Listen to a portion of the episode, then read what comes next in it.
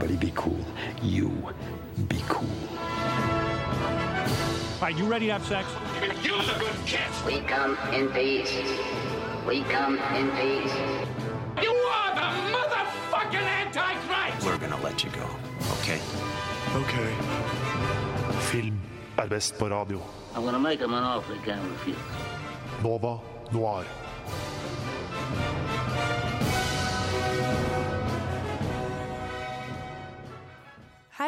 Hallo. Som du hører, så er ikke dette opptak fra sending. Dette er eh, jeg, Ina, som har tatt opp i ettertid, fordi vi har funnet ut at vi hadde litt tekniske problemer i starten av sendingen. Det gjør nemlig at vi ikke har de første minuttene, og det du hører nå, kommer til å bli midt i et stikk hvor jeg prater om at jeg har sett på tatovørene den siste uken. Resten av sendingen er dermed intakt, så jeg håper du har en fortsatt fin opplevelse med ukens podkast. Du får hvert å høre meg, Hedvig og Julie prate om krigsfilmer. Det blir kos. Vi høres. klistremerke med dem. Nå ser du på Dplay, her er Attitude Åh. Studio. Og så er jeg litt sånn uh, Det var litt kleint. Det er veldig gøy, altså. Men, uh, og du får veldig lyst på tatovering. Og jeg gøy å se på. sitter og tenker Ina, du har 200 kroner på bankkontoen din. Du har ikke råd til å kjøpe tatovering. Men spise mat. kjemper for tatovering. Så kanskje jeg får tatovering i løpet av neste år. Hvem vet? Kanskje. Hvem vet? Det er tatoverende sin skyld, i hvert fall. Stor, Storstipendet i januar til å fikse tattis. Oh, det høres bra ut. Jeg har, faktisk, jeg har bestemt meg for at jeg må roe litt ned på tatoveringer. For jeg tar de litt, eh, litt vel ofte. Jeg har, nå høres det ut som jeg har skikkelig mange, det har jeg ikke. Men Sliv på begge armene og sånn. jeg har ikke egentlig tenkt Jeg skal ikke ha noe sliv eller noe sånt. Og da må jeg roe litt ned, for jeg tar liksom de alltid flekker? på samme sted. Flekker rundt omkring på Ja, ja, eller bare sånn Å, jeg hadde lyst på liksom, noe pent der, eller liksom Man har planlagt litt, men akkurat nå så er jeg bare sånn Å, bare, Jeg tar det bare på armen. Og det begynner å fylle seg opp allerede. Mm. Og da er det sånn Nå, nå må jeg faktisk roe ned. For hvis, før jeg vet ordet av det, så har jeg sliv, og det hadde jeg ikke tenkt til. Og det er ikke et planlagt sliv heller. Men Nei. veldig sånn, litt Noe er farge, noe er sort-hvitt. Noe Ikke bare Det er litt bedre enn det, da. Alt er sort-hvitt. Så Men- det går bra. Hedvig, hva har du sett? Jeg siste? har jo Jeg hadde før, for en måned siden kanskje, så hadde jeg litt sånn TV-serie-slump. Eh, Jeg så veldig mye Friends og How I Met Your Mother og Sex in the City og bare sånne gamle serier som jeg liksom visste at jeg likte. Jeg vet ikke om det har med tid å gjøre, eller hva det var, men nå har jeg plutselig liksom kommet skikkelig inn i det igjen, så jeg føler jeg har sett sykt mye eh, Både testet veldig mange sånn førsteepisoder, men også så så jeg um, En liten host fra meg der, beklager. Det, det hoppet seg opp i halsen. Men jeg har sett uh, Slutt å le. Jeg har sett uh, Atypical, og jeg er ganske frustrert over at ingen har liksom fått meg til å se det før. Det er ingen som har poengtert hvor ekstremt bra det er. For meg så har det bare, det bare ligget som en sånn overskrift på Netflix. Jeg har vært sånn mm, Det ser litt lame ut, jeg gidder ikke se det. Men det er jo fantastisk bra. Jeg så halvannen eller nesten to sesonger på én natt. Det var ikke lurt, men det var gøy, og det var fantastisk bra. Det høres ikke ut som du angrer. Nei, ikke i det hele tatt. Jeg elsker Atypical fordi jeg har en lillebror som er autist uh, Er selv. Og han er veldig lik han i eh, Atypical, og jeg, alltid, jeg blir alltid veldig sånn lei meg når uh, autister blir veldig sånn dårlig framstilt i TV-serier, sånn som i Big Bang Theory, eller sånn at de blir et sånt et humorelement. De blir litt for da. stereotypiske. Ja, mens uh, Atypical håndterer liksom det å være en fa familie med uh, en som er lett uh, autist, kjempebra. Og det liker jeg også veldig godt hvordan de håndterer det, da. At de, faktisk, at de faktisk viser andre aspekter. Det handler ikke bare om at han er autist. Det er en helt vanlig tenåringsserie. Bortsett fra at han er autist. Så det er liksom bare Det er ikke noe Jeg føler ikke at det er Det blir liksom ikke lagt frem som en issue, egentlig. Det er ikke det, er ikke det, det handler om. Nei, det ikke det sant. Det er bare, det, det er bare sånn karakteren er, og det syns jeg er så bra. Men jeg, hadde, jeg lurte faktisk på det om han eh, bare fremstiller autisme sånn som vi vil at autisme ser ut, eller om det faktisk er ekte. Da. Det er sånn jeg alltid lurer på når folk måte, spiller noe de ikke er, men som er en ekte ting. Om det faktisk er realistisk, for det er ikke alltid jeg klarer å se det selv. Og så synes jeg hvordan familien håndterer det også. Det, jo en, det blir jo på en måte en strid mellom han og moren, fordi moren er veldig avhengig av han også. Og det at hun liksom skal kjenne på det Det er jo sånn som de fleste mødre kjenner på sikkert etter hvert. At 'å, jeg, barnet mitt trenger meg ikke lenger'. Hva gjør jeg nå? Men det er jo ikke alle mødre som har eh, på en måte viet hele livet sitt i så stor grad. da. Sånn Mm. som man ofte får, jeg inntrykk av må når det gjelder autisme, for at de har så mye Mange av de har så mye å lære. som vi andre på en måte lærer av å observere, da. Som ikke de alltid får med seg. Men hva er eh, handlingen i Atypical? Hva, hva Det handler vel Helt i første sesong så handler det om at eh, Nå har jeg glemt hva han heter. Oi. Husker du hva han heter? Har dere sett serien? Ja, det er lenge siden jeg har sett den. Nettopp. Oi, ja. ja. Uansett, Eh. han hovedkarakteren, da. Det handler om at eh, han eh, har lyst på kjæreste, men ikke tror at han har muligheten til å forelske seg. Og så på en måte ser vi hvordan det bygger seg opp, og det er på en måte hovedplottet. Og så har han en kompis som er veldig sånn For alle rundt ham på en måte oppfører seg sånn Du har autisme, og sånn oppfører jeg meg mot deg. Men så har han en kompis som bare ikke er sånn i det hele tatt. Som er veldig, veldig kul, og som er på sin måte skikkelig omtenksom og medmenneskelig, uten at det på en måte er hovedgreia mellom dem. Så de har et skikkelig skikkelig godt vennskap, og han på en måte tar det på sin kappe og liksom lærer han da hva damer er. Det er bare det at eh, han, hvis han hadde vært norsk, så hadde han sagt djæmer. Han er sykt ekkel. Skikkelig Han er sånn skikkelig nasty type, men skikkelig kul, da. Og så handler det også om søsteren hans som på en måte blir litt sånn på utsiden av familien, for at eh, hun har jo ikke autisme. Hun blir på en måte den som passer på han og sånne ting. Jeg kjenner meg så fort igjen. Åh, ja. Veldig sånn ja, nær. Men det, selv om jeg ikke kjenner noen med autisme, eller på autismespekteret, som det heter, da, så, så treffer den meg jo skikkelig i hjerterota. Og jeg satt jo oppe hele natta og så på den og bare Yes! Loved it. Men nå God skal vi høre. Hva sa du? God anbefaling. Ja. Jeg uh, syns at alle bør anbefale den til alle. Jeg er, veldig, veldig, jeg er litt grinete for at ingen anbefalte den mer til meg. Jeg tror ingen anbefalte den. en Ja, altså, hallo. for at du skulle se Atypical. Ja, det, det er jeg faktisk litt grinete for. Men eh, nå skal dere der ute, eller du, skal få høre Dama runka også av The Camel Toes. Du hører på Nova Noir. Jeg hadde glemt at det var den. Fantastisk. Fantastisk. Vi er jo her for å snakke om film. Det er jo det vi i Nova Noir gjør. Det er det vi liker best. Det er det vi liker aller best, og det er også det vi eh, gjør hver gang. Så der er har vi ikke noe valg. Vi er snakker om film. Nå hører du på film. Eh, og dagens tema er eh, filmer satt til andre verdenskrig, men som ikke handler om andre verdenskrig, eller som har andre verdenskrig som et slags backdrop, mer enn eh, en handling, da. Eh, og da lurte jeg litt på sånn, hva tenker dere om andre verdenskrig-filmer, egentlig? Hva syns dere om det? Hva er deres forhold til det? Jeg har alltid sett på veldig mye krigsfilmer med pappa. Uh, fordi han syns det er kult. Og jeg syns altså det har vært veldig kult. Jeg tror eh, jeg ofte har sett på de som veldig sånn Det finnes jo de som er litt unike, sånn som Saving Private Ryan og Dunkerque, Dunkirk. Som har liksom vært veldig sånn herregud, de er så Veldig ville. hypa også. Veldig sånn eh, kritikerros, da, for å være gode, accurate krigsfilmer. Ja. Og jeg tror det er det som har vært sånn det viktige for meg, at eh, de skal være realistiske, da. Og de skal være vonde. Jeg hater de som liksom skal glorifisere og eh, elske litt på, på krig. Jeg vil at det skal være den det, Du skal ha vondt litt når du ser på filmene, fordi det er en Det er vondt, Ja. og noe annet er bare Å late som noe annet er jo på en måte eh, respektløst, føler jeg av og til. Absolutt. Jeg vil si det. Eh, I mitt tilfelle så tror jeg jeg har sett flest krigsfilmer i sammenheng med skole. Og Sånn, på ungdomsskolen så så vi Schindlers liste alle sammen i aulaen. Eh, det var jo en opplevelse.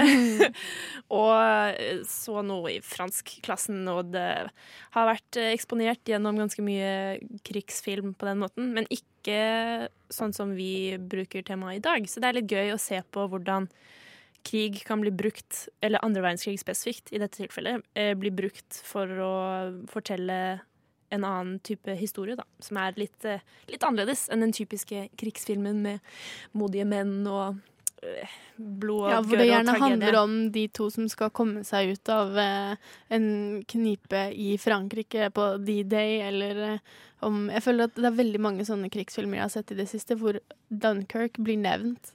Altså i alle filmer. Og så kom Dunkerque-filmen, og så slutta de. Og så bare stoppa de.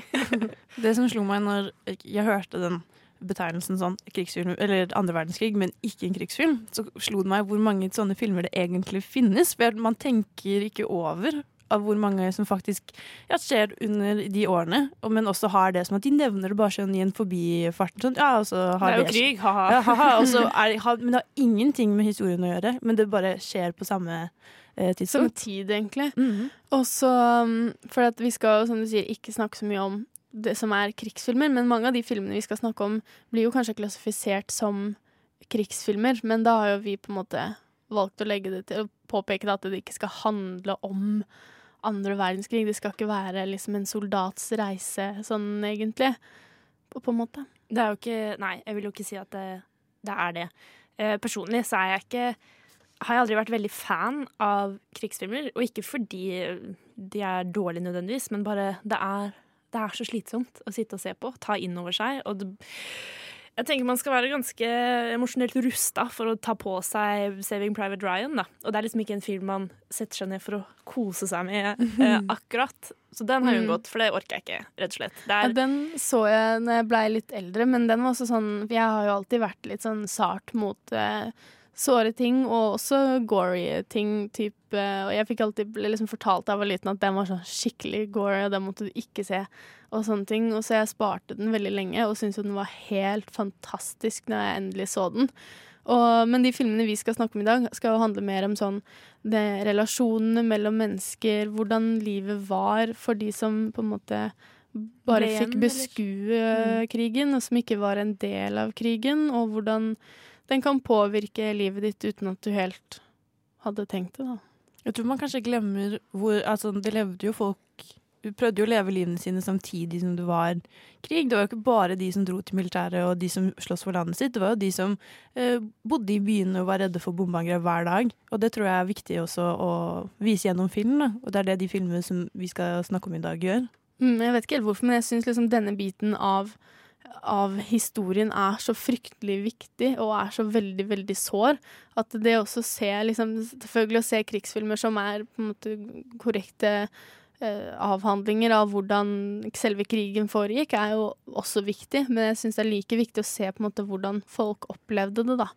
Det legger jeg mye fokus på. Det syns jeg er veldig sånn sårt og viktig.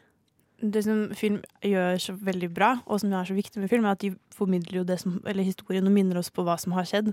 Og jeg tror at Eller jeg liker å tenke at vi kommer nok aldri til å oppleve en sånn andre verdenskrig på samme måte som andre verdenskrig var. Du kommer aldri til å liksom bombe eh, Nå gjør man det i andre land, men i Vesten da, så tror jeg ikke Jeg tror det er litt sannsynlig at det kommer til å skje på samme måte igjen. da. Og Derfor tror jeg det er viktig å ha sånne filmer som det her, som viser sånn, minner oss på ø, ø, hvordan livet var. da. I hvert fall når det er, eh, finnes folk der ute som benekter holocaust og sånn. Mm, Nei, det skjedde jo ikke. det, Det er sånn, det, er, eh, det, er, det er noe vi ikke burde glemme, da. Ja, og jeg har jo faktisk møtt mennesker som ikke som ikke vet liksom noe særlig om andre verdenskrig, at, annet enn at det er noe som heter det. Og det, jeg blir jo provosert. Og det fins jo mange mennesker som har mye større tilknytning til krigen enn det jeg gjør, men jeg blir faktisk provosert når folk altså vet Og da snakker vi minimalt. Det er helt greit at ikke du vet alle datoer og liksom alle, alle info og sånn, men vit the basics, liksom. Det er jo ikke det helt det samme, men jeg var på Utøya uh, forrige uke, og da snakket vi med han som, han som er daglig leder der. Og nå har jo de to Det er jo kommet tre Utøya-filmer, og han har sett at sånn eh, Kunnskapen blant de yngre vokst, gikk sånn veldig fort opp etter de filmene kom, fordi folk ble plutselig interessert og fikk, var sånn Oi, shit, dette For det er jo folk nå som eh, er så unge at de ikke eh, husker hvor de var, eller eh, var veldig små da, når det skjedde. Og har egentlig ikke noe kunnskap om det. Og de filmene hjalp da med å liksom ikke gi en eh, helt fullverdig forklaring, men vekte interesse, da. Og fikk folk til å liksom forstå at dette skjedde faktisk.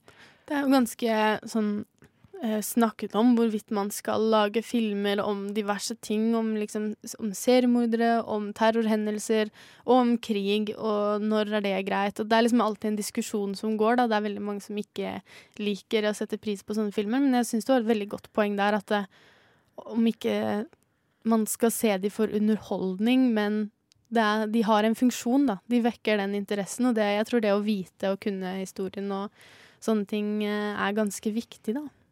På en måte. Ja. Godt sagt. Som dere hører, så blir det jo en eh, seriøs sending med en gang eh, temaet er andre verdenskrig. Vi skal selvfølgelig prøve å holde det litt uh, lettbeint, men noe seriøst kan det bli. Og ut ifra hvilke filmer vi har valgt, så kan det fort bli tårevått.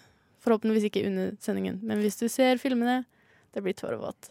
Vi skal snakke om Atonement, som jeg har valgt, som er en film fra som også er satt til andre verdenskrig. Vi skal snakke om uh, Grave of the Fireflies, og vi skal snakke om La Vita e Bella.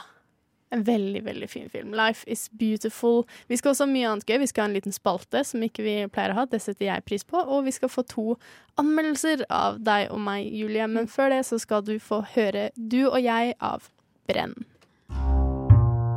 Nova Noir.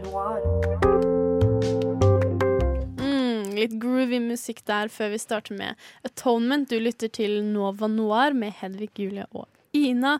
Og vi skal hive oss i gang med dagens tema, nemlig andre verdenskrig-filmer. Som ikke handler om andre verdenskrig. Eh, og da skal vi begynne med Atonement, som eh, handler om, rett og slett ehm, Den forteller historien om Brian E. Tallis, som er spilt av Saoirse Ronan som er en 13 år gammel aspirerende forfatter, eller eh, manusforfatter, eller novellist, med veldig god fantasi. Eh, og hun eh, vitner noe som hun er litt sånn i, i skillepunktet til å helt eh, skjønne, egentlig. Hun eh, em, ser liksom Ja, hun er vitne til en kriminell handling og tror hun skjønner hva greia er eh, og beskylder gårdsgutten Robbie for noe han ikke har gjort. Hvem er Robbie spilt av? Og Robbie er spilt av James McAvoy. Uh, Mm. Han er Også kjempe- for tolv år siden. Han er så kjekk i den filmen. My God. Ja, han er faktisk eh, Det er helt sant en av de liksom, grunnene til at jeg så om Atonement, eller Om forlatelse, som den heter på norsk. da. Kan vi, kan vi si om forlatelse? Jeg Vi synes det kan er vanskelig å si- si at ta tonnonominant. Vi kan si om forlatelse, og den er jo basert på en bok skrevet av Ian McEwan, som uh, også har um, skrevet, tror jeg, screenplayet til Nei, nå, nå glemte jeg hva det var. Uansett, Ian McEwan, en forfatter som har skrevet novellen som denne er basert på.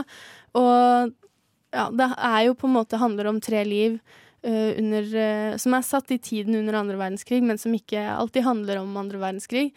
Og det valget som hun Bryony tar da, i å beskylde Robbie uh, for det han ikke har gjort, og hvordan dette påvirker livene deres, da.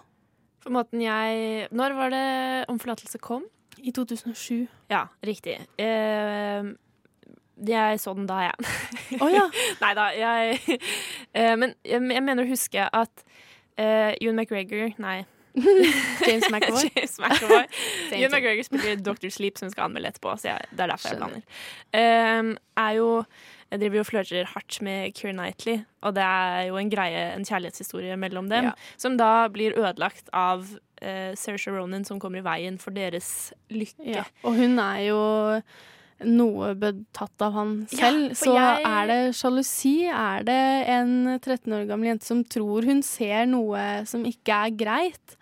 Fordi, Og- ok, for jeg, den tolkningen der er at hun ikke forstår hva som skjer, kjøper jeg ikke helt. Fordi hun, hun er eh, åpenbart eh, litt eh, gæren etter eh, McAvoy, som jeg forstår veldig Eller godt. Robbie, da. Robbie, La oss kalle ham Robbie.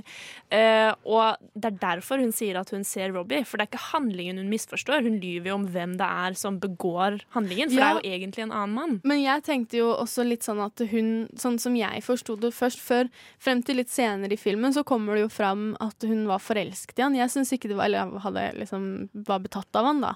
Jeg tok ikke den helt i starten. Jeg drev hele tiden og så tenkte sånn, er det For hun er jo veldig opptatt Jeg føler at hun er veldig opptatt av rett og galt, og veldig sånn moralistisk, også siden også hun skriver mye eh, sånne plays, sånne skuespill, at hun er veldig sånn skal liksom ha et budskap og en mening, og da når hun, hun bevitner jo tre sånne scener, som er den første ute ved Fontena, hvor eh, hun eh, ja, vitner til at, eh, at Robbie får med et uhell ødelagt en sånn vase som eh, Keira Knightley eller Cecilie eh, Tellis eh, elsker. Og så så jeg, jeg får liksom hele tiden opplevelsen av at hun egentlig tror at hun beskytter folk når hun gjør det her. At hun tror hun har gjort det riktige. Jeg er enig i den tolkningen. Jeg, jeg så at OK, ja, kanskje hun var litt eh, sjalu, eh, men jeg så det bare som en veldig, drama veldig veks- vekselvoksen eh, jente som er veldig glad i dramatikk. Hun er jo så Ja. opptatt av dette skuespillet. Stir the pot. Litt Ja. Og det, jeg kjenner meg veldig igjen i den derre Jeg er 13 år, eh, jeg tror livet er mye større enn det egentlig er, og at ting er mye mer komplisert enn det egentlig er. Eh, og jeg føler egentlig det er bare det. Hun bare sier feil. Hun har, lyst til å, hun har jo lyst til å hjelpe, så hun sier rett og galt. Hun har lyst til å gjøre rett. Ja, og jeg har oppfattet det sånn at hun, at hun Det er jo veldig mye sånn eh, seksuell Seksuell Jeg klarte ikke å si det. Seksuell anspenthet mellom uh, Cecilia Tallis og hennes, eh, som er Bryonis storesøster, og Robbie, som er av gårdsgutten. Det er veldig mye sånn tension, og hun Cecilia er alltid sånn Nei, vi skal ikke, det blir ikke noe mellom oss. Og jeg tror at alt det hun ser, da, at hun på en måte tolker det litt sånn feil. At hun tror at det er noe galt, da. Å ha en sånn seksualitet, eller en sånn seksuell anspenthet, da. Eh, jeg tror også at hun er jo et barn som ser, er vitne til voksne ting sånn generelt gjennom filmen, ikke bare den kriminelle handlingen, aka eh, voldtekt.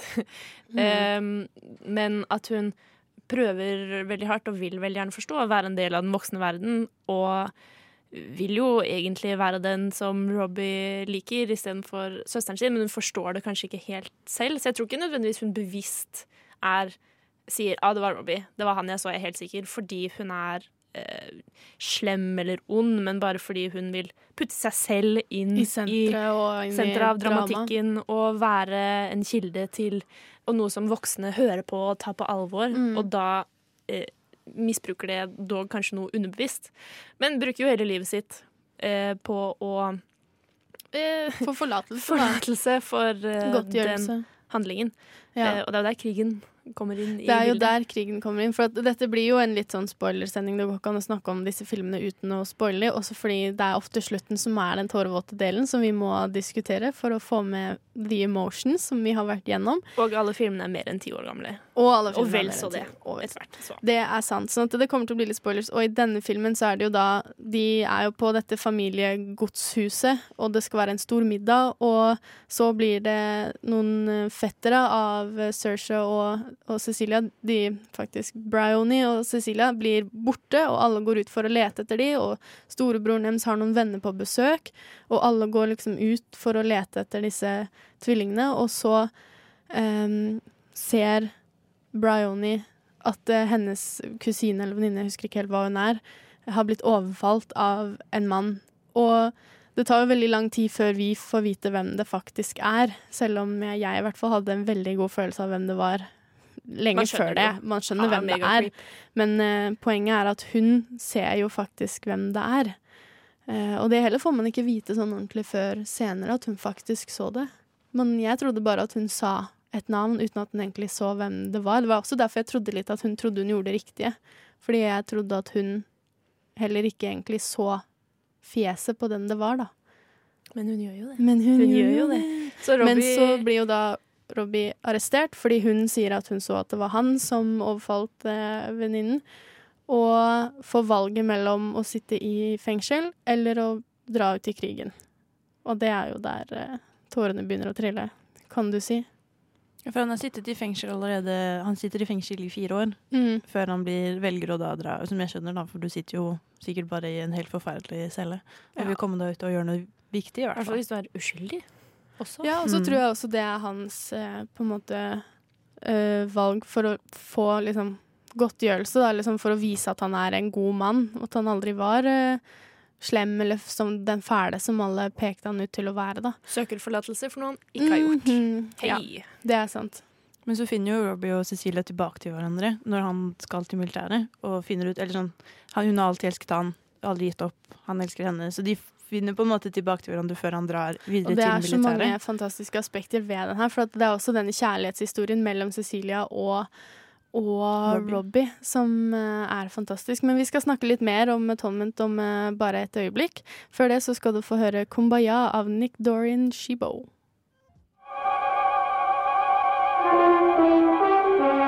Du hører på Nova Noir. Think you are, anyway? Who do you think you are anyway? Vi snakker om atonement. Vi har kommet til Robbie som skal ut i krigen. Og vi nevnte jo at filmene vi skulle snakke om i dag, på en måte ikke skal handle om krigen. Og da begynte jeg å tenke på at kanskje denne filmen er i mest grad av alle kanskje faktisk har mer krigen som en handling enn et backdrop. For at uh, her så er det jo en sekvens hvor han faktisk drar i krigen, da. Jeg vil jo si eh, ja, det er den mest eh, Det er filmen i dag hvor det er mest eh, soldatfokus, hvis vi kan kalle det det. Men jeg vil jo si at krigen får fortsatt et baksete med tanke på eh, konflikten og hvorfor han er der. Og det handler jo ikke om- at han skal ut i krigen for å for å gjøre det som er rett for fedrelandet og skyte nazister, men at han heller eh, Han må, eh, eller det er liksom the less of two evils å sitte i fengsel eller å dra i krigen. Og nå kan det jo hende at han hadde dratt i krigen uansett, selv om han ikke havnet i fengsel. Men at det heller handler om den uretten som er blitt begått, eh, og hvordan den lille handlingen eller den lille løgnen påvirket eh, så mange liv, da. Så jeg vil jo si det er jo det eh, Atonement handler om mest, selv om Enig. det er eh, eh, soldater Enig, enig, og skyting.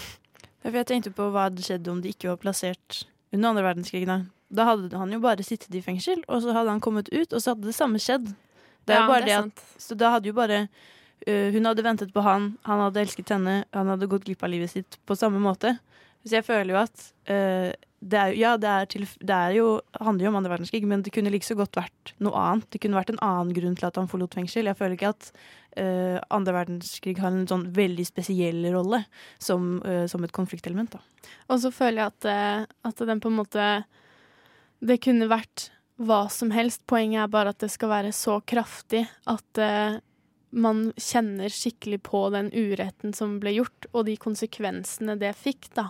At det kunne også vært en fangeleir, det kunne vært en annen krig, eller bare et annet type helvete som man måtte gjennom. Det er ikke det at det er andre verdenskrig som har fokus, det er bare for å gjøre på en måte ja, straffen enda hardere, sånn at det blir enda mer hardtslående på slutten. For jeg vil jo si Det ender jo ganske tragisk. Det Alt ender her, jo sykt tragisk. Robbie dør Cecilia, nei. Eh, du må hun- spille din mye bedre enn det, Julie. For okay, okay, det er okay, så sykt bra. Eh, det vil jo si at mye av grunnen til at det blir så utrolig tragisk, er jo for at hadde det ikke skjedd under andre verdenskrig, så hadde de jo overlevd begge to.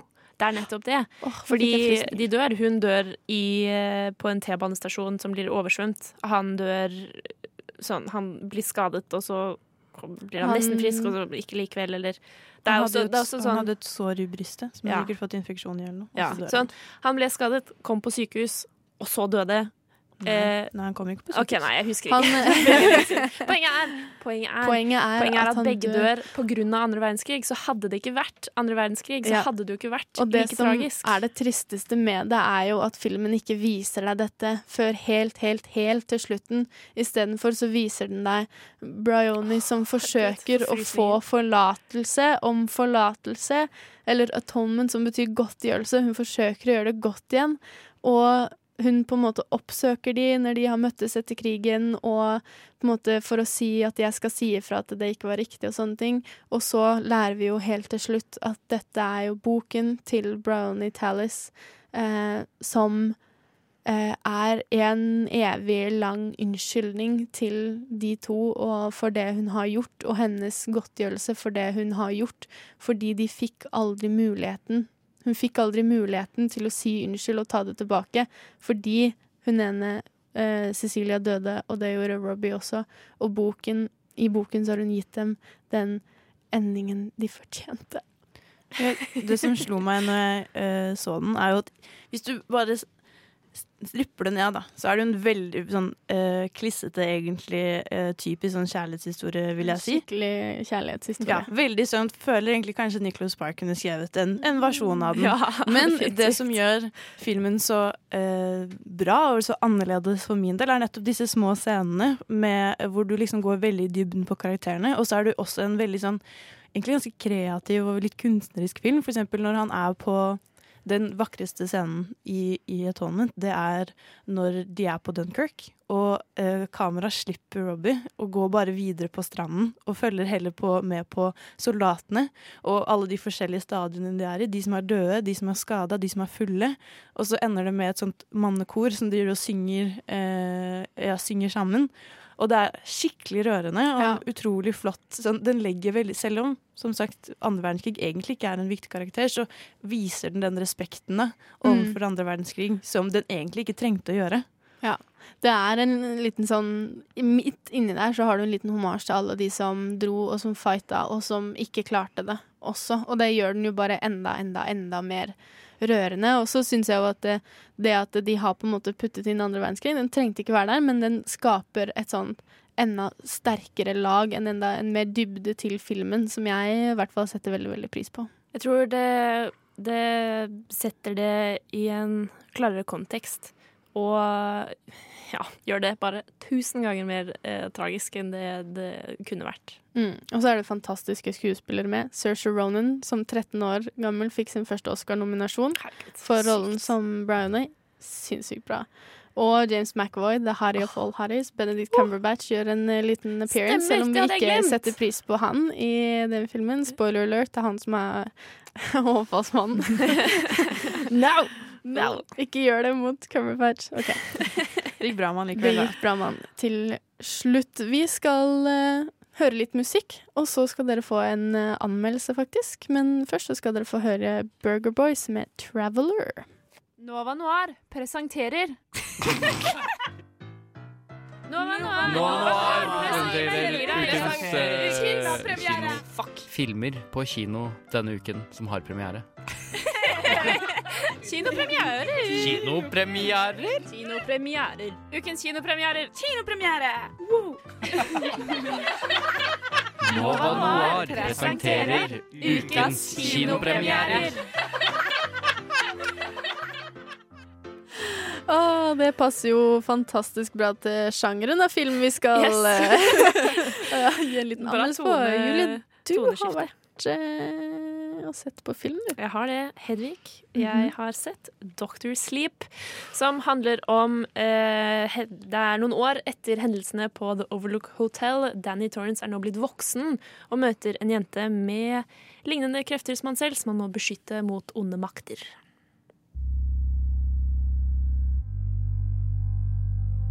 You're magic, like me.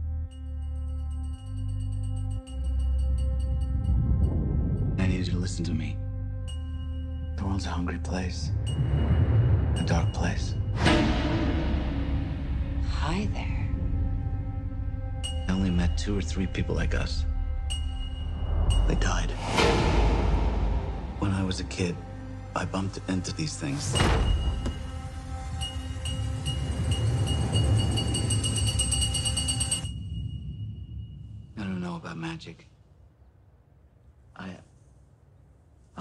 The shining.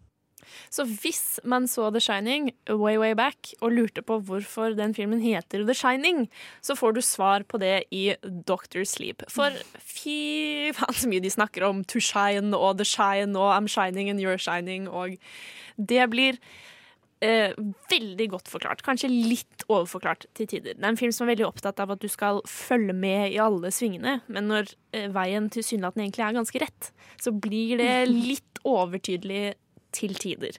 Det er også noen andre bilder de velger å bruke på denne kraften, og liksom sier at du er full av eh, steam, du har mye steam, som blir da et bilde på kraften eller sjelen din, jeg vet ikke, men det er også veldig mye brukt og mye snakket om. Det er litt sånn OK, vi har skjønt det nå. Det går fint. Har sett en film før. Skjønner hvordan ting henger sammen og fungerer. Det går bra, tusen takk. Men eh, når det er sagt, så vil jeg også eh, si. Jeg tror PR-teamet har eh, gjort filmen en liten bjørnetjeneste, for de markerer det jo veldig som en skrekkfilm. eh, Og tonen i traileren er liksom veldig sånn oi, ubehagelig, og dette er veldig skummelt. Men jeg syns ikke filmen prøver å Den prøver ikke å skremme deg nødvendigvis. Jeg vil heller kategorisere det mer som en thriller enn en ren eh, skrekkfilm. Så vær bevisst på det. Men matcher den da litt mer eh, The Shining i, i følelse? Sånn som for de som så The Shining for, lenge, for, for kjempelenge siden, på 80-tallet. De eh, syns jo ofte, Mange syns jo den var dritskummel, mens når jeg ser den, så syns jeg ikke den er så skummel, men mer en type thriller. Så matcher den mer der, da? Jeg tror det handler litt mer om hva det moderne publikum nå er vant til og ikke. Og jeg vil fortsatt si at The Shining er skumlere enn i Doctor Sleep. Og det handler også litt mer om at eh, alt blir veldig forklart om hvordan ting henger sammen, og disse spøkelsene vi får se, og eh, antagonisten i filmen, og hvordan alt dette overnaturlige fungerer. Det får et eh, tydeligere rammeverk, og du skjønner mer hvordan reglene fungerer. Da, og det gjør det, det gjør det litt mindre skummelt mm, og lettere å følge med, men jeg syns ikke det i seg selv egentlig er et problem. Jeg vil bare at du ikke skal tro at du skal sitte og skvette masse, for det er ikke tilfellet. Jeg føler ofte sånne oppfølgere av store suksesser ofte prøver å gjøre det på nytt. Med eh, samme, prøve seg på samme greia på nytt igjen. Da. Føler du at Dr. Sleep er en egen film? Kunne, sånn, den, eh, ja, kan den stå på egne ben, eller er den veldig avhengig av The Shining? Jeg tror ikke du nødvendigvis må ha sett The Shining for å kunne nyte Doctor Sleep. Eh, Men det er jo klart veldig mange nikk, og de drar jo tilbake til hotellet på et tidspunkt, som kommer i traileren, så det er ikke en spoiler. Um, og det er jo fokus på det som skjedde der, men handlingen i seg selv er ikke nødvendigvis knyttet til uh, hotellet. Så jeg vil si at eh, det er nok som skjer på egen hånd i Doctor Sleep, som gjør at du er ikke så avhengig av nødvendigvis måtte ha sett The Shining. Pluss det er en litt annen tone og en annen feel, og i The Shining er det mer uforklarlig og Jeg vil ikke kalle det absurd nødvendigvis, men det har et eget kunstnerisk element da, som mangler, eller ikke nødvendigvis mangler, men som Dr. Sleep har tatt en annen retning fra. Så tonemessig og innhold vil jeg si at det føles eh, relativt annerledes. Mm, Det er jo nesten 40 år siden eh, The Shining kom ut, faktisk. Og den er jo basert på oppfølgeren som kom ut i Altså boka til Stephen King som kom ut i 2013. Men eh, det er jo store, store sko å fylle. Klarer den det? Lever den opp til en genierklærte The Shining? Eh, Jeg vil eh, si nei, men det tror jeg mest har med å gjøre at eh, har med regissøren og det uttrykket Mike Flanagan har. Og skal du sammenligne det med Kubrick, så er det litt sånn litt urettferdig, følte jeg. Og Stephen King var jo ikke så fan av filmen Kubrick lagde. Så jeg tror at dette er på en måte Stephen Kings Yes, endelig fikk jeg, fikk jeg min versjon. Eller han har jo faktisk laget en versjon Eller det er blitt Den- laget en versjon senere. Men nettopp, men den oppfølgeren her uh, tror jeg endelig er sånn. Sånn som eh, Stephen King virkelig eh, er fornøyd med, da, hva jeg ser for meg. Mm. For den er ganske Den er ganske lang, og den er ganske treig. Og jeg tenkte noen av scenene var noe unødvendig. Men alt i alt så syns jeg det var eh, underholdende å se på. Det var spennende. Det var en bra eh, skurk. Og den er ganske grusom på et par eh, tidspunkt. eh, og ganske vond til tider, så jeg vil si at den definitivt gjorde det den skulle, og det den prøvde på. Er den like kunstnerisk som The Shining? Nei. Er den like ekkel og skummel? Nei, men uh, er den underholdende og spennende å se på? Ja, definitivt. Ewan McGregor gjør en kjempegod jobb. Rebecca Ferguson spiller også, det er hun som er uh, skurken. Hun gjør også en veldig god jobb. Uh, og så er det Kylie Curran, som er da den, dette barnet som Ewan McGregor må passe litt på. Hun gjør en grei jobb. Hun er et barn, så jeg hadde litt justerte forventninger til hennes eh, prestasjon, da. Eh, Dessverre kunne hun sikkert gjort det litt bedre. Men uh, alt i alt så ble jeg underholdt av Doctor Sleep. Og jeg syns det var uh, en underholdende og spennende film, så definitivt noe du burde få med deg på kino. Ja, så karakter Alt i ender vi alt på. eh, syv av ti til Doctor. Sleep. Underholdende og gøy, eh, men bare ikke forvent en skrekkfilm, for det er ikke det det er. Men syv av ti er en eh, helt OK pluss eh, karakter. Kan gå og se den på kino. Kan vente til du til den kommer Kan streames. på Kan streames, Ja. men ikke forvent en skrekkfilm. Du Nei, kan se en thriller. Den, eh, ja. Du kan se den hjemme alene. kanskje? Ja, for ikke. Jeg tror, det hadde, jeg tror mange hadde turt det. Nå skal du få høre 'Tired and Sick' av Ava. Du lytter til Nova Noir på Radio Nova. Mm. Nova Noir, altså, med Ina, Hedvig og Julie Yeah, i studio. Yeah, boy. Nå skal vi ha Det er ingen gutter her. Vi må representere litt, da. Yeah, boy! Vi prøver å øh, skape litt guttastemning. Gutta, gutta. Nei, stryk det. Ta det vekk. Jeg støtter Fjern det. Nei, vi, vi støtter det ikke selv heller. Jeg tar det tilbake. Men vi eh, snakker jo om eh, temaet i dag er jo krigsfilmer som ikke handler om krigen, for å si det lettest mulig.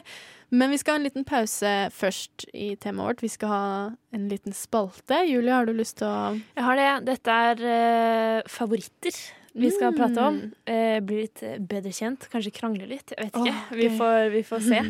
For jeg har et par uh, kategorier som jeg skal si høyt med munnen og stemmen. Og så skal dere Så skal dere si hva deres favoritt er innenfor den uh, kategorien. Da. Og så bare fortelle litt om det. Er det noe om å gjøre å si det først? Nei, det er ikke en konkurranse. Vinner jeg da? Det er ikke en konkurranse. Men hvis du har en dårlig favoritt Alt er en konkurranse, Julie. ja, Hvis du har en dårlig favoritt, så skal jeg shame deg på lufta. Mm, Kult. Så den første gøy kategorien Dette blir kjempegøy. Den første kategorien, eh, siden jeg nettopp anmeld, anmeldte Doctor Sleep, som for så vidt ikke var en skrekkfilm, men en thriller, men da ble jeg litt sånn in the mood, så jeg tenkte eh, det er den første kategorien. Skrekkfilm. Hva er deres favoritt? Hvem vil, hvem vil da først? Ah, Ina var først. Åh, Hedvig, du tapte. Jeg syns bare dette er et veldig vanskelig spørsmål, fordi jeg og Hedvig er jo like på det at vi er litt sarte sjeler, eh, og har kanskje ikke sett så mye skrekkfilm. Så jeg vil jo på en måte Er det da det som har skremt meg mest, eller den jeg har likt best? Den du har likt best. Ja, for nei, da er det jo ikke en skrekkfilm. Eh, Da er det jo en annen Neida. kategori. OK. Um, jo, det var et lurespørsmål, fordi samme er begge. Men eh, eh, Nei, veldig spent. Eh, jo, fordi uh, den verste opplevelsen jeg noen gang har hatt med en film, eh, har faktisk fortsatt vondt i kroppen av den filmen etter at jeg så den. Bare si hvilken film det er, da. Okay. Herregud. Hereditary. Ja, fy Oh. faen. Ja, fordi det var litt gøy, for at jeg hadde tenkt å si Jeg hadde tenkt å dele det opp i to deler, og så si den jeg på en måte liker best, men som er litt mer sånn thriller, og skrekkfilm. Det er ikke ikke spørsmålet. Okay, når Nei, jeg sier fordi- skrekkfilm og så, Jeg snakket nettopp om det med thriller versus skrekkfilm, og så sier jeg skrekkfilm, og så kommer dere med thrillere. Nå må dere ta dere Hereditary er ikke en Nei, thriller. det er- Hereditary nettopp. er Men en hun holdt på skrekkfilm. sånn Nå kommer du også og snakker om det. Gi meg en skrekkfilm, Hedvig. Din favoritt-skrekkfilm, ikke thriller. Jeg hadde tenkt å si Hereditary. Er det sant? Ja. Å nei! Er vi så like? Nå vil jeg ikke si noen ting. Men hva med deg, da, Julie? mene.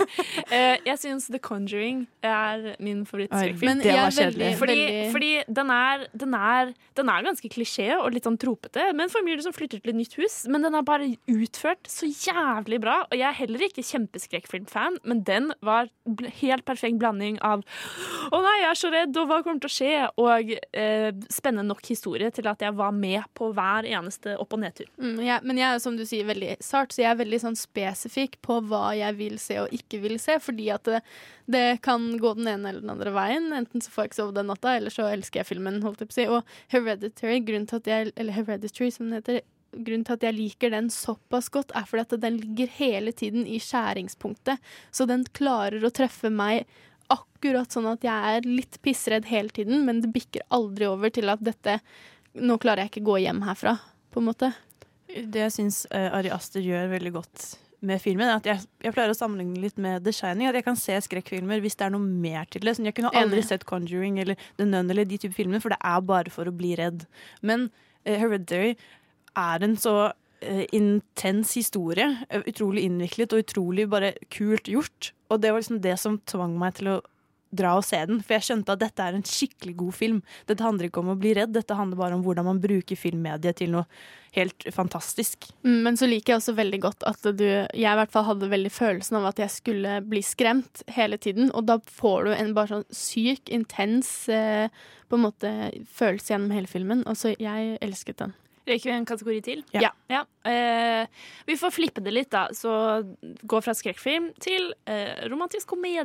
Hva er deres favoritt? Jeg tror jeg kan gjette Hedvigs. Du var også først ute. Ja, jeg har jo eh, på en måte mm, hva heter det, skiltet med dette ganske mye, da. At eh, Bridget Jones er min favoritt-romcom. Men jeg tror kanskje Eller min favorittfilm, Favorittfilm er generelt. Men jeg tror ikke jeg skal ta den vekk fra hyllen som min favorittfilm. Mm. Der Riktig. blir den boende. Skjønner. Men jeg tror min sånn favoritt-romcom er kanskje How to be single. Telles den som romcom? Har Med dere sett Dakota den? Med Johnson. Dakota Nei. Johnson. Nei, jo, du og Rebel Jo. Wilson. Hedvig, Ja. Hedvig, nå jeg så mye respekt for deg. Én ting er å elske Bridget Jones, det er jeg helt med på. jeg tilbake. Jeg Men elsker Bridget Jones. To be single, ikke godkjent. Jeg har sett den så mange ganger. Jeg elsker Det er som å si at Bridesmaids er favorittkomedien din. Der. Ja, er, men, ok, Bridesmaids er jo faktisk lættis. det var bare fordi det var sånn Å, damer som bæsjer i en vask! det var faktisk den Kjempegøy! Nei, hele den Bridesmaids er jo skikkelig, er jo skikkelig morsom. Det er ikke bra. Jeg kan ikke Ok, kanskje sammenligne How to be Bridesmaids, single og Bridesmaids. Det er gøy, men jeg baserer det på sånn den treffer meg sånn Jeg sitter igjen med en veldig spesiell følelse etterpå, da. Ok, men Ina, din favoritt uh, Jeg er et kultivert menneske med høye standard. Ikke Jo. Uh, og min, min favoritt-romcom Dette har også jeg flagget mye på Nova Noir uh, siden jeg begynte, og det er nemlig eh, Ja, Dolce Vita. Mm, så Vet du kultivert hva, er jeg. Hedvig? Du kler deg ikke å være mobber. Du gjør ikke det. Få høre da, Ina. Det er uh, Hvis Hedvig får slutte å avbryte meg, så går det bra. Det er uh, Prinsessebruden. Å The Princess Bride. så koselig. Muligens verdens morsomste film. Jeg tror jeg kan quote hele filmen. Den er så proppfull med fantastisk materiale. Den er så morsom, og faktisk uh, ja, noe av det bedre jeg har sett i løpet av hele livet mitt. Det er jo en Brooks, klassiker. er det det? Er det han som har laget den? Det er han som har laget den um, Men in Tights. Som han er den samme skuespilleren, tror jeg. Ja, ja, som ja, i han som er Robin Hood Ja. og spiller uh, Det var derfor jeg trodde Wesley. det var Er det? Jeg tror det. Den er, ja, men jeg er enig. Prinsessebruden er uh, kjempe, aldri Rob. Reiner. kjempegøy. Mm. Mm. Min- nei, det er ikke samme Nei. fyr. Men uh, min favoritt, ikke at noen av dere spurte, men eh, er, er About Time. Har du hørt om den? Den begynte jeg å se. Hva?! Og Og så så så den ikke ferdig! Den er jo så koselig. Det er Rachel McAdams og Donald Gleeson eh, Er det han som spiller spiller Det er han som har laget Love Actually. Er det ikke han som også har laget den? Laget? mm, Han jo. spiller også i Star Wars. Det er han Ginger eh, Mm. Det er han Altså, eldste nei. broren i Harry Potter. Regissøren bak Ja, About stemmer. Time har også laget oh, ja, Love Actually. ikke Donald Gleeson. Trodde det var det du mente. Nei. Det er uh, en romcom med en liten twist, fordi han kan reise i tid. Men det og, Det er så dust konsept, det. Jeg føler at det er så brukt opp. uh, eh, for det handler om hvordan da han bruker det for både for kjærligheten, men også leve et bedre liv. Tårevåt, kjempehyggelig. Uh, det handler, nei, veldig mellommenneskelig og morsomt. Så absolutt min 100 favoritt-romcom. Og med det så håper vi at dere har lært oss å kjenne litt eh, bedre. Nå skal vi gå tilbake til eh, vårt eh, superduper megaseriøse tema. Men før det så skal du få høre Yka av Mayra Key.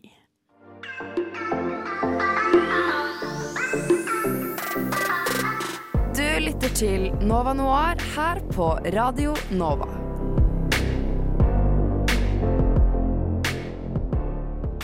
Det er helt riktig. Du lytter til Nova Noir her på Radio Nova, og det er Hedvig, Ina og Julie i studio, og vi snakker om krigsfilmer som ikke er krigsfilmer. Filmer som har andre verdenskrig i seg, men som ikke handler om andre verdenskrig, osv., osv. Nå skal vi snakke om Grave of the Fireflies. Altså, vi gjorde jo ikke lett for oss selv å velge sånn trist tema. Altså sykt triste filmer. 'Grave of the Fireflies' eh, er en Studio Ghibli-film, og den kom på 80-tallet. 88. Faktisk. Um, jeg, det er den eneste Studio Ghibli-filmen jeg ikke hadde sett til sånn i går. Fordi jeg har unngått den kjempelenge. For det er ikke en film du bare setter på sånn som akkurat som med alle de andre filmene Eller de vi kommer til å snakke om òg, sånn med eh, om forlatelse. Mm. Så nå tenkte jeg OK, nå har jeg jo sjansen. Nå må jeg endelig sette meg ned og endelig se den. Og det gjorde akkurat så vondt som jeg trodde Mm. eh, det kom til å gjøre. For det handler om to søsken som bare har hverandre. Og det er eh, Jeg tror noe av det eh, Grave of the Fireflies gjør så bra, er Den viser hverdagen på en ganske realistisk måte, veldig nær måte. Og hva gjør du da når du mister moren din og ikke vet hvor faren din er, og har familie, men du vet ikke hvordan du kontakter dem, og sånn hva du skal gjøre. Og du er et barn, og du har en søster på Jeg vet ikke hvor gammel hun er. Tre, kanskje? Nei, seks. Nei, det er hun ikke. Det er uansett ikke så viktig. Nei, det er ikke så viktig. Men, Men, eh, en storebror og en lillesøster. Ja, og den er jo også satt i eh, Kobe i Japan, som eh, faktisk ble på en måte hva heter det, flatet helt med, etter bombeangrep. Helt mot slutten av eh, andre verdenskrig. Og jeg føler at det er litt sånn eh, Alle de filmene vi har valgt, og kanskje eh, sånne krigsfilmer generelt Jeg føler at det er en gjennomgående greie at de, det er mot slutten og man har håp, og så går det ikke. Og det gjør det så ekstra vondt. At det, det er så nære at det skal gå bra, og så gjør det ikke det. Og det, er så, det gjør det så ekstra vondt, syns jeg. Jeg tenker litt for mye og litt for lenge på eh, sånne ting som det her typ, Krigen varte jo i fem år. Fem år føles jo ikke så lenge, men så ufattelig mange mennesker som døde på bare fem år. Eh, og det er så utrolig fælt å tenke på. Og det er den siste filmen vi også skal snakke om, som toucher litt mer på akkurat det. Men i hvert fall i 'Grave of the Fireflies' så er det, det er sånn tilfeldighetene som gjør at eh, det ikke går så bra da, for dette søskenparet. Og og det er så, det er så grusomt. Og sånn, det kunne gått bra, men akkurat ikke. Og filmen åpner med at storebror eh, Seita, som han heter, eh, tenker tilbake Eller vi får se at han sulter i hjel på en togstasjon. Og det er 21.9.1995. Og det er bare sånn Det er så, Så grusomt. langt unna at det kunne gått, eh, kunne gått bra. Det eneste som jeg syns var litt sånn eh, plagsomt med den filmen, var at jeg skjønte ikke at det gikk så lang tid. Jeg så, fordi de Det er jo animert, men jeg, de endrer jo ikke noe på eh, egentlig på utseende, eller på hår, eller på, eh, på størrelse, eller sånn. Man ser ikke det før veldig på slutten, at de har forandret seg, i hvert fall under klærne, da. Men, og det var det Jeg forsto ikke omfanget om hvor lenge de hadde vært på Alene. gata. Hvor lenge de hadde bodd i den hulen, eller hvor lenge de bodde hos tanten sin. Jeg forsto aldri det, og derfor ble det kanskje ikke før etterpå, når jeg leste meg litt opp på det, at jeg ble sånn Å ja, shit, de var der faktisk så lenge. Hvor, er, hvor, hvor lenge er så lenge? Fem år. Fe, var nei, de, bodde de, var, i hulen nei, i fem de år? var, det er snakk om måneder. Ja. For at det første raidet kom i mars i 45 Riktig. i Kobe. Så det her er snakk om maks liksom fem måneder. Ja. på slutten av krigen. Eh, og for det som skjer, er det er et raid, huset brenner ned, moren drar til tilfluktsrommet. Jeg skjønte ikke helt hvorfor de to ikke ble med til tilfluktsrommet. For han skal løpe etter bare rett etterpå. Det er sånn, jeg går først, og så kommer dere. Men, Men, det hvorfor tok ikke spesielt. hun med lillesøsteren? Hvorfor måtte han gjøre det? Ja, uansett. Eh, trenger ikke å henge opp, opp i moren det. har hjerteproblemer. Altså, hun kunne ikke bære lillesøsteren, sikkert. Der har vi det. Men det går ikke så bra i det tilfluktsrommet, eh, og moren dør, og de bor hos en ganske kjip tante. Eh, Men jeg syns jo det er et ganske sånn godt Det illustrerer veldig godt også hverdagslivet under andre verdenskrig, og helt sikkert krig generelt, at det, det var manko på det aller meste. Og det, hun blir veldig utakknemlig, eller ikke, det er feil å si utakknemlig, men hun blir ganske krass overfor dem, og hun syns egentlig ikke noe av dem i det hele tatt, og syns egentlig at de er eh, ganske kjipe som oppholder seg hos dem, og hun syns at de er utakknemlige og sånne ting. Og det er, veldig, det er veldig surrealistisk egentlig å sitte og se på, når vi som ser på, vet så godt at de ikke har noen ting. Jeg tror, så- ja, jeg ja. tror det er lett for oss å dømme den tanten og være Ja, ja. Eh, sint på henne og sånn, for det er jo grunnen til at de eh, flytter ut derfra og finner en hule ved et vann og velger å bo der de to istedenfor. Men noe av det mest eh, tragiske, føler jeg, er jo at eh, Seita, storebroren, eh, får ikke nødvendigvis vite hvor gammel han er, men han er jo ung, for ung til å gå i militæret, f.eks. Eh, og skolen hans brente ned, så det er liksom ikke noe han kan gjøre da. Og så får han kjeft av hun tanten fordi han bare driver dank og passer på søsteren sin, og søsteren gråter, og det er slitsomt. Og det er sånn Ja, men OK, alternativet er de flytter ut og sulter i hjel. Det er sånn men hvems hvis feil er det, da? Mm. Er det tanten som var kjip, eller er det Zeta som ikke klarte å gå tilbake og si unnskyld og innrette seg etter det livet? Eh, Men han er jo et barn, og han skulle jo aldri blitt etterlatt til å oppdra et annet barn eller måtte ta ansvar for det selv, for han har jo ikke peiling og snøring på hvordan han skal få det til å gå rundt og ta vare på lillesøsteren sin, selv om det er alt han vil. Ja, For jeg kjente at jeg ble litt irritert på Ja, Saita. ikke sant? eh, Fordi han vet jo ikke hva han driver med. Jeg skjønner at han flytter ut den første gangen for å prøve det. da For han, Premisset var liksom godt, for hadde, de hadde arvet mye penger etter at moren døde. eh, og trodde at det liksom skulle gå greit. Men så blir eh, lille eh, Satsuko blir jo syk og får ikke nok mat. Hun er jo ja, tre-fire år gammel, da. hun trenger mye, eller trenger mye næring. Og det at han da ikke Han får så mange sånne advarsler og tegn på at dette kommer ikke til å gå bra. Ta vare på søsteren liksom. Det at han ikke i hvert fall ber tanten bare ta henne, da. Lillesøsteren. Eller et eller annet sånt. Jeg kjente at jeg ble sånn Åh, jeg ble Do så something. Ja, for han gjør ingenting. Han er sånn 'Det kommer til å gå bra, vi skal finne mat, det kommer til å gå fint'. Men han prøver, setter jo egentlig ikke i gang et forsøk på å redde henne på ordentlig. Han, for han, han vet jo ikke hva som skal til, eh, og han er jo ikke ruttet, ruttet, rutta på noe som helst vis til å forsørge enten seg, seg selv eller et, eh, lite, et lite barn. Så er det det er et tidspunkt i filmen hvor han spør en eh, bonde Hei, kan du selge meg noe mer mat. Og så sier bonden jeg har ikke mer enn meg selv. Men eh, gå tilbake til tanten din, og så sier Seita jeg får gå og spørre noen andre. Og Det er sånn, Mm. ah, det var en så klar beskjed. Det på en måte slår fast hvor på en måte bestemt han er på å klare dette selv, og jeg tror også hvor langt inne det sitter å gå og spørre henne om hjelp, da, for hun har tross alt vært ganske hard Det var veldig kjipt, da. Var veldig skal kjipt. sies. Men vi skal snakke mer om Grave of the Fireflies om bare et lite øyeblikk. Først skal du få Tokyo 1994 av The Holy Mountain. Nova Noir. Og vi skal fortsette å snakke om Grave of the Fireflies. Oh, hvem vil starte? Jeg var eh, Jeg vil. Vær så god. Noe jeg syns var ganske interessant i filmen, er etter Seita og Setsuko har flyttet ut og flyttet inn i denne hulen, og de bor jo ute hovedsakelig, de camper, eh, og prøver å lage et permanent hjem, og er bare de to, ikke sant? Det er alt de trenger i verden. Men eh, mot slutten her, når Setsuko blir eh, dårligere og dårligere og sykere og sykere og sulter veldig sakte, men sikkert i hjel, så løper Seita ut når eh, eh, flyalarmen går og brannbommene faller, så løper han ut eh, for å plyndre Sanke. hjem, da. Mm. For ting og penger og sånt som man kan kjøpe eller bytte for mat. Så det er litt interessant å se når han kommer hjem, for da har han funnet masse stoff og er liksom kjempefornøyd og kjempeglad. Eh, hvordan det som startet deres forferdelige situasjon, er nå noe han ser frem til fordi det kan gi dem penger og mat på bordet. Og så viser det seg at å nei, men det han fant var ikke egentlig verdt så mye likevel, så han fikk ikke egentlig noe penger eller noe mat, og det gikk ikke egentlig så bra som han trodde, og så skulle bli bare verre og verre. Og, men det er jo ganske lett å dømme han, fordi vi sier altså, hvorfor eh, du, ikke, du kan jo ikke ta ansvar for det her, men han er jo et barn, han også. Men det er liksom litt lett å glemme, tror jeg. Ja, jeg på en måte opplevde ikke at jeg dømte ham på noe som helst vis, egentlig. Dere sier at dere Satt liksom blir ganske sånn. småirriterte på Øh. han, og det, det kjente jeg aldri, for at uh, jeg syns at det, det han Jeg syns uh, litt sånn som den filmen vi skal snakke om uh, etterpå også, at han prøver å gjøre det beste ut av det verste, og han prøver å holde motet oppe for Er det Setsuko som er jenta?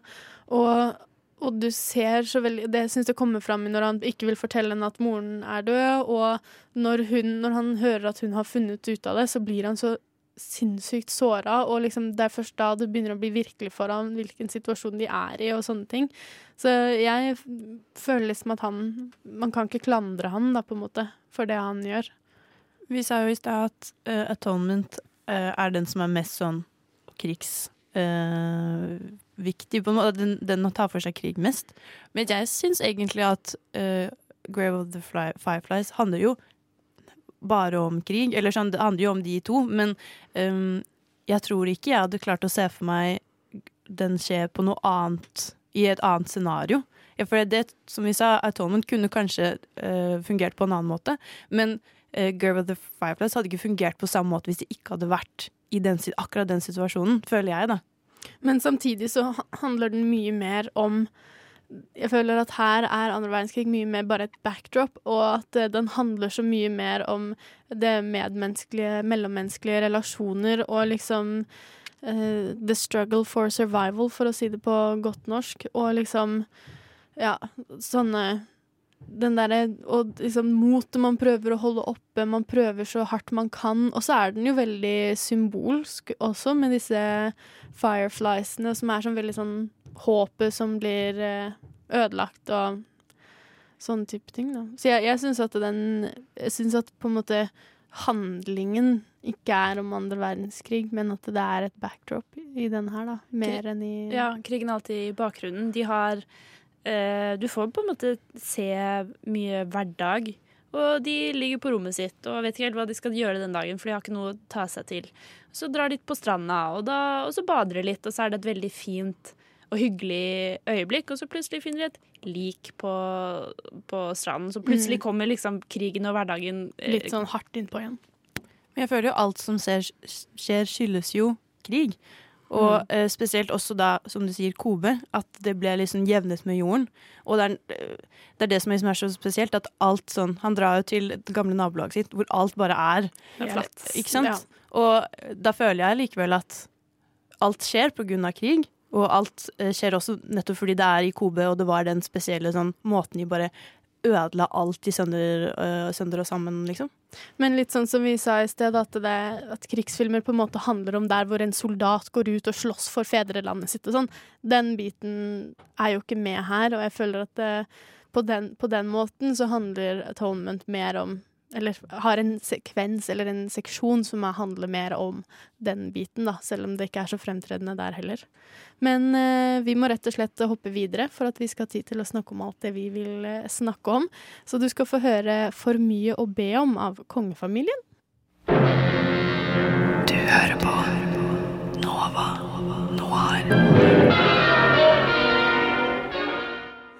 Det var altså kongefamilien med For mye å be om. Og du skal selvfølgelig få mer eh, Nova Noir med Hedvig, Ina og Julie. Din heldiggris. Ja, og vi skal snakke om eh, filmen Life is beautiful, eller som ethvert annet kultivert menneske sier, La vita e bella, Ina. For når du sa at vi skulle se denne filmen, så var jeg sånn «Øh, Den har jeg aldri hørt om, men den er sikkert kul. Og så begynte jeg å se den, og så så jeg intro, den der title page, og bare Å ja, faen. Den skal jeg egentlig se med bestevenninna mi på fredag, jeg, Oh, for det er hennes favorittfilm, som vi skulle ha filmkveld og se sammen på fredag. Men da må jeg se den til sending! Hører hun på No Noir? Det kan eh, hende. Skal du fake at du har Ja. sett den? Jeg har allerede innrømmet alle mine feil. Ja, Så Okay. Så du kan ikke sitte der og sånn Å nei! Ja, fordi Og begynne Men- å gråte litt sånn fake. Eh, Men du kan uansett si hva den Hva er filmen, Ina? Life is beautiful, eller livet er herlig, handler jo om eh, eh, Og det er jo det på en måte det ikke er, kanskje. Eh, og det er jo plassert i Italia, og du følger en, en veldig karismatisk og artig mann, eh, Guido. Eh, Som spilles av eh, Roberto Benigni, eh, som også er et helt fantastisk menneske. Vil anbefale. Denne filmen har vunnet tre Oscarer, og det er den beste takktalen Oscarene noen gang har hatt, når Benignini vinner beste foreign film. Hva sa du han het? Benignini? Benigni? Benigni. Roberto! Men i hvert fall han, Ja. Uh, Guido, han uh, hopper opp på stolene på Oscarsalen og bare roper og bare 'beautiful people' og bare prater på veldig gebroken blir italiensk. Det er et helt fantastisk eh, takktale. Men denne filmen da handler jo om han. hvordan han finner kona si for en fantastisk søt sønn. og så kommer andre verdenskrig, og han er jo jøde. Så det ender med at han og familien blir sendt på konsentrasjonsleir. Men han er jo som sagt en veldig artig fyr, så, og han, det han bryr seg mest om i hele verden, det er familien sin. Så han, for å skåne sønnen sin, da, som er jeg tror han er seks år gammel, eh, så lager han en lek. Eh, For å liksom få det til å virke som at ja, men vi gjør jo dette bare for gøy. Det er jo for å vinne. Og vi kan gå når vi vil. Ja, men nå må vi, hvis vi må holde gjennom det her, fordi da får vi en stridsvogn til slutt. Eh, for det er det, det elsker sønnen, da. Uh, Gisot syns det er eh, det kuleste i verden. Og må gjemme han og eh, snakke om poeng og prøver så godt han kan da å skåne sønnen sin for hvor, hva livet egentlig er. Jeg og Julie takler ikke mer uh, handling her nå. Vi får tårer i øynene, fordi det er en helt, helt fantastisk film. Og det som er, når du hører dette, denne historien, det er sånn hvordan uh, det går fram, så tenker du at det skal bli ganske fælt med en gang. Men det, halve filmen er egentlig bare bakhistorie. Hvordan han finner kona si, uh, som også er en veldig artig historie. Hun er jo egentlig forlovet med noen andre. Og, men så blir hun bare Han bare fortsetter å dukke opp. Principessa! Og prøver bare å, å forføre henne. Og du ser jo som jeg tenkte også første gang jeg så den, at dette er jo ikke greit. For det er veldig mye sånn veldig gammel uh, er, Den filmen er jo fra 1997. Og det er litt sånn, nesten litt sånn slapstick-humor. Uh, Mm, men det tenkte jeg også. Ja, eh, At han liksom faller veldig sånn tullete og må liksom hjelpe henne. Og litt sånn uh, Kanskje litt sånn Jeg hadde ikke gått i dag. Det er kanskje noe av den måten han uh, forfører henne på. Jeg syns den virker veldig sånn uh, uskyldig, jeg. Jeg tror Eller noe jeg, jeg så på, tittet litt på Wikipedia rundt, og da, det, da filmen kom, så var det noen som kritiserte den for å være komedie. Og så da bruke holocaust og en konsentrasjonsleir som eh, et plottpoeng. Men jeg vil jo påstå at hele den første timen i filmen er jo bare med på å bygge opp og gjøre det enda mer tragisk når eh, familien da havner i den konsentrasjonsleiren, og det bare underbygger karakteren til eh, pappaen så utrolig, og du er med på hele den reisen. Og sånn, det går fint, og de får hverandre, og de får en familie, og så boom, andre verdenskrig, hei, hei, gjett hva. Tragedie. Mm, og jeg tror at det, jeg tror at hele den oppbygningen med hans karakter, det er på en måte for å gjøre det naturlig at han lager denne leken. For at jeg opplevde det ikke som veldig sånn å, han lager en lek nå for at dette skal gå bra. Det bare skjer helt sånn ut ifra hans karakter. Det er liksom ikke noe han bestemmer seg for at dette må vi gjøre for å overleve. Det er bare det hans person ville Hans gjort. instinkt. Hans instinkt. Og, og den, som du sier, å på en måte skåne sønnen fra det som er vondt. Og det er jo Han har jo lenge vært servitør, han liksom finner på mye sprell, og han virker litt som typen som ikke alltid har hatt alt, men som alltid har gjort det beste ut av det. Og det på en måte fortsetter han med. Og det navnet på filmen, 'La Vita e Bella', er jo et sitat fra Leon Trotsky, som han sa rett før han ble Altså um, Sendt av gårde? eh, Drept. Hva heter det? Ah, Eh, Assassinated. myrdet. Myrdet. um, og som sier at til tross for alt, så er livet herlig. Og det, jeg syns bare når jeg hørte det at det er et sitat, og liksom hva filmtittelen betyr, så syns jeg liksom at det bare underbygde poenget i filmen så sinnssykt mye mer, da. Han er så uh, Har bestemt seg for å virkelig gjøre det beste ut av kanskje verdens mest shitty situasjon. Ikke bare er du sendt til en konsentrasjonsleir, men du er sendt hit med sønnen din i tillegg.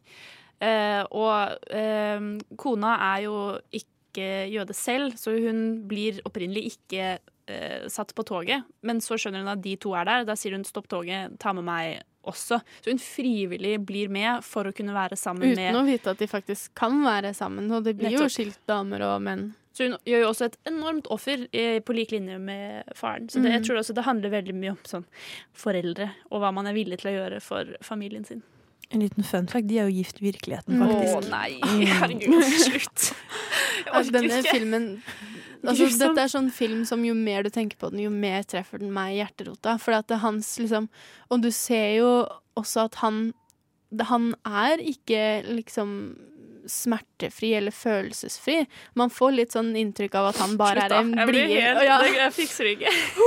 Han er jo liksom en, en blidkar, en positiv type som alltid skal gjøre en latterkule ut av alt og, og sånne ting. Men så ser man jo også at han syns det er vanskelig, og jeg syns han spiller så utrolig godt, han Roberto Benini Benigini, som um, Han spiller så utrolig godt den derre balansen mellom fortvilelse og uh, en sånn påtvunget positivisme som sønnen jo er vant til, så han merker ikke forskjellen nødvendigvis.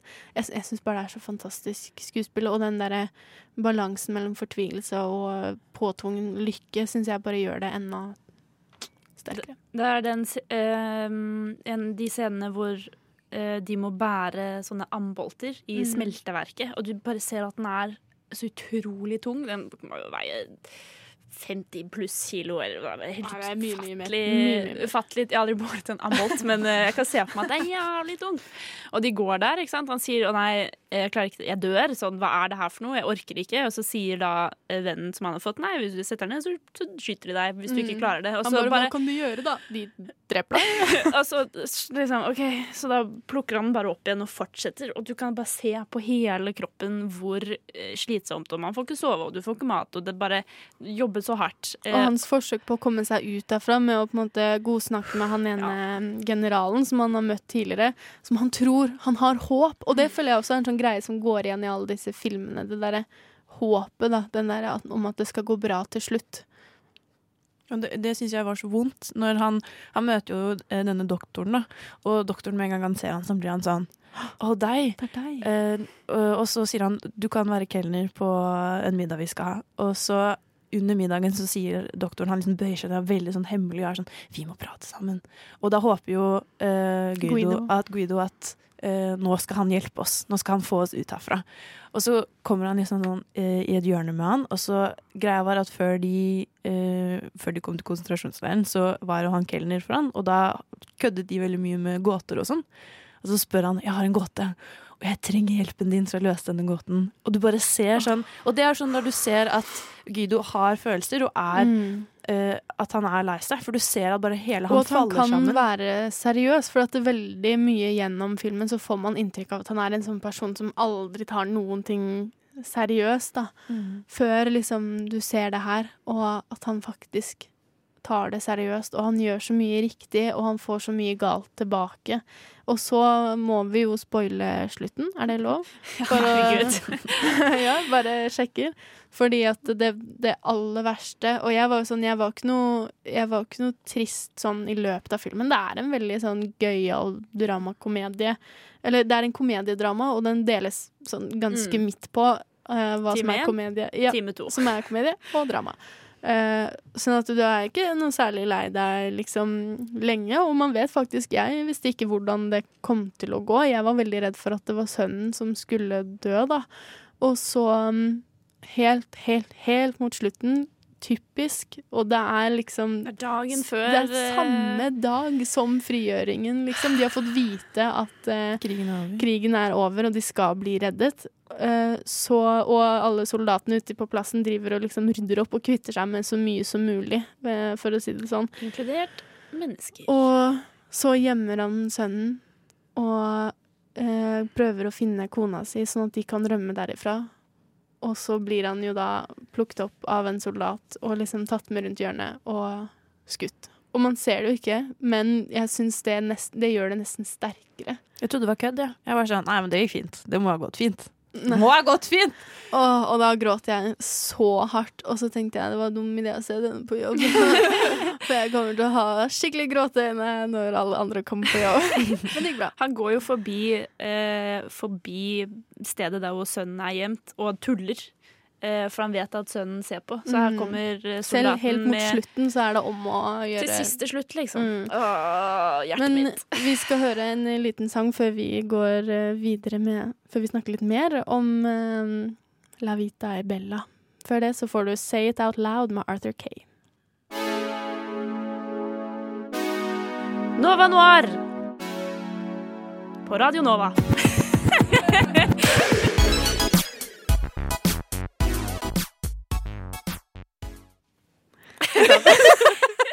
Jeg var, Det var. Ja, jeg var opptatt med roboten til Ja.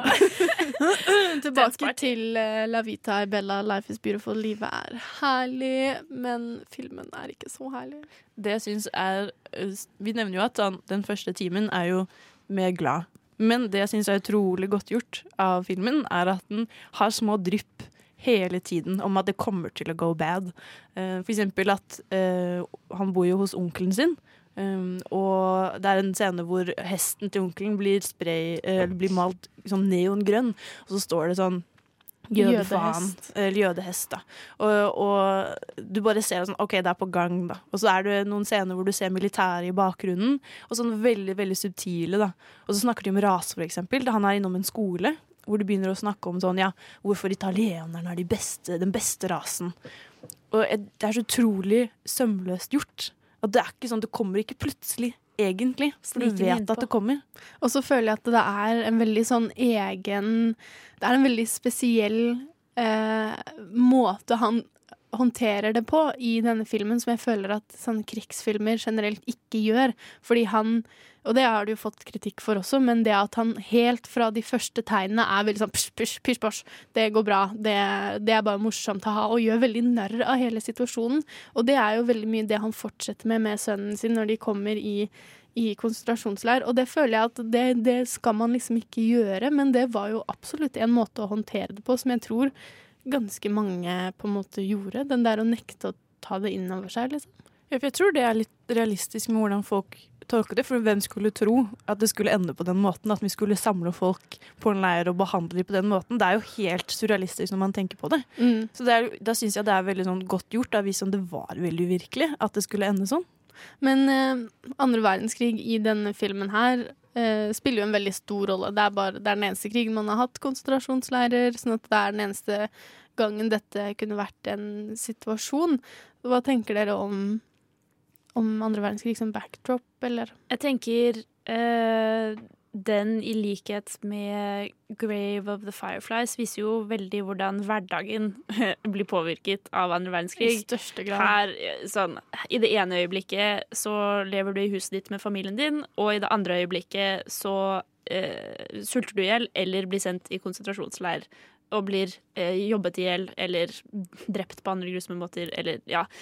Så eh, det er Jeg vil si den Kanskje i motsetning til eh, om forlatelse, for der føler jeg at det handler mer om handlingen til karakterene, og at de bare er satt i en setting hvor krigen er. Men i, i hvert fall de to siste filmene nå, så er krigen en litt mer større grunn til hvorfor det går som det går, da, og enda sterkere påvirkning på karakterenes skjebner. Mm, og så tenker jeg at eh, at uh, i denne filmen så kommer jo andre verdenskrig veldig veldig tydelig fram. I 'Grave of the Firefly' så kan man faktisk uh, tvile litt Ja. sånn Og var det der? Det er ikke sånn kjempemegatydelig hele tiden. Mens i denne så Det er lett så å glemme det iblant. Ja, mens i denne så har den jo absolutt en veldig sånn stor uh, fremtreden i filmen. Men samtidig så, i likhet med 'Grave of the Firefly', så handler den veldig mye om de her relasjonene og kampen om tilværelsen, for å si det sånn. Da. Det å overleve og hvilke taktikker man bruker for å forsøke å overleve. Og så har det jo i varierende grad suksess, da, kan man si. Det er jo, eh, i likhet med, med mye annet eh, vi har pratet om, eh, så tragisk mot slutten, og pappaen dør rett før, dagen før de blir frie, og det er bare det bildet av sønnen som går ut alene i en helt tom, og alle har forlatt konsentrasjonsleiren, er jo eh, kjempesterkt. Men det er jo kanskje sånn som vi snakket om eh, i sted også, at eh, krigsfilmer er soldater som går ut og, og slåss for fedrelandet, som vi har sagt før. Men um, mens denne filmen, og kanskje også 'Grave of the Fireflies', er ikke krigsfilmer helt, men de er eh, andre verdenskrig-filmer. Eh, I større grad enn det Enig. Atonement er. Atonement har, eller om forlatelse, har en sekvens som eh, kan minne om krigsfilm, hvor handlingen er satt til andre verdenskrig i en del av filmen. Mens, eh, men som du sier, den er kanskje mye mer satt liksom bare i en sånn handling. Som, så andre verdenskrig sin rolle i den filmen er ikke særlig fremtredende sånn egentlig. Det kunne gått som det hadde gått Mm. uansett, bare med tanke på beskyldningene at han havnet i fengsel, og de hadde kunnet blitt separert likevel. Mens eh, i La Vita e Bella så er det kanskje hvor andre verdenskrig spiller størst rolle, da. For det hadde ikke vært den samme filmen uten Det hadde ikke vært noen historie uten andre verdenskrig. Da hadde den sluttet etter time én. Ja. Jeg tror både Grave of the Fireflies og Life is Beautiful handler jo om å hylle de som overlevde, eller, eller, da, eller ikke gjorde det. da. Og de man kanskje glemmer. Man snakker veldig mye om soldatene, ja, som, som nevnt gjennom de fleste krigsfilmer. Men de er som vi har snakket om i hele sendingen, egentlig. Hverdags vanlige folk. Da, hvordan de ble påvirket. At hvor hardt de egentlig kjempet da, for å beholde et eller annet sånn et snev av menneskelighet. lykke, liksom. Noe som bare liksom kan som holder håpet gående. da. Mm. Det syns jeg er veldig vakkert med begge to, egentlig. Enig. Og mer enn det har vi faktisk ikke tid til å, å si. Du skal få høre en liten sang som heter 'Pedestrian at Best' av Courtney Barnett.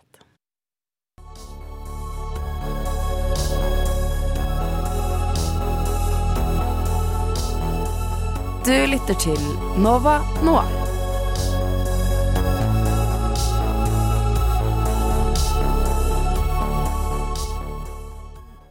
Mm, mm, det har vært mye deilig musikk, det har vært mye deilig temasnakk. Mye deilig Deilig Jeg vil det er var vel, ganske vondt og litt vanskelig. Ja, men det, er- jeg liker den deilige diskusjonen. Det er det. Det er Det det, er er det jeg smerten, mener. Ja. Føle seg levende. Rulle Mm. rundt i sorg og Ja. tårer. Kjenne at tårene ligger sånn og presser rett tilbake. Det er så kleint å gråte på radio. Fy søren. Det er det som er deilig med radio. Ingen kan se deg om du gråter. Det er sant. Mm. Eh, For alt det hørtes ut som tittelen på en bok. Ingen kan se deg om du gråter. På radio. På radio.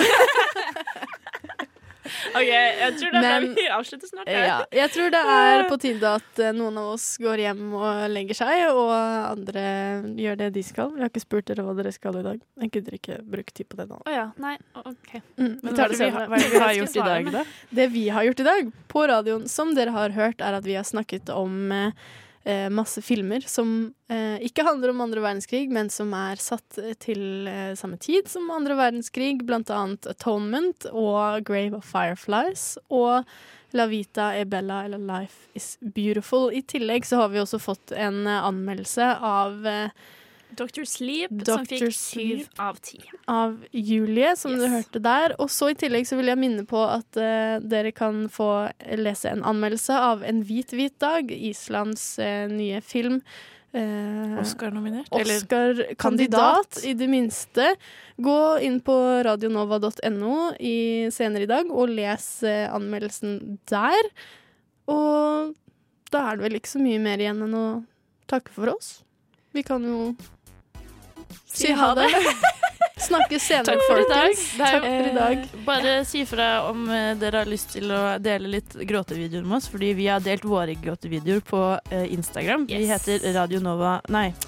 vi Nova heter Nova Noir 993 på Instagram. Bare å følge oss. Her legger vi ut oppdateringer om fremtidige sendinger. Mm, se filmene vi har snakket om i dag, selv om vi har spoilet de, for de har fortsatt en opplevelse. Ja, jeg vil si det ikke ødelegger noen ting. Nei, og kjenn på the feelings. Nå vet du i hvert fall hva du går til. Ja, det gjør du. Takk for oss. Ha det bra.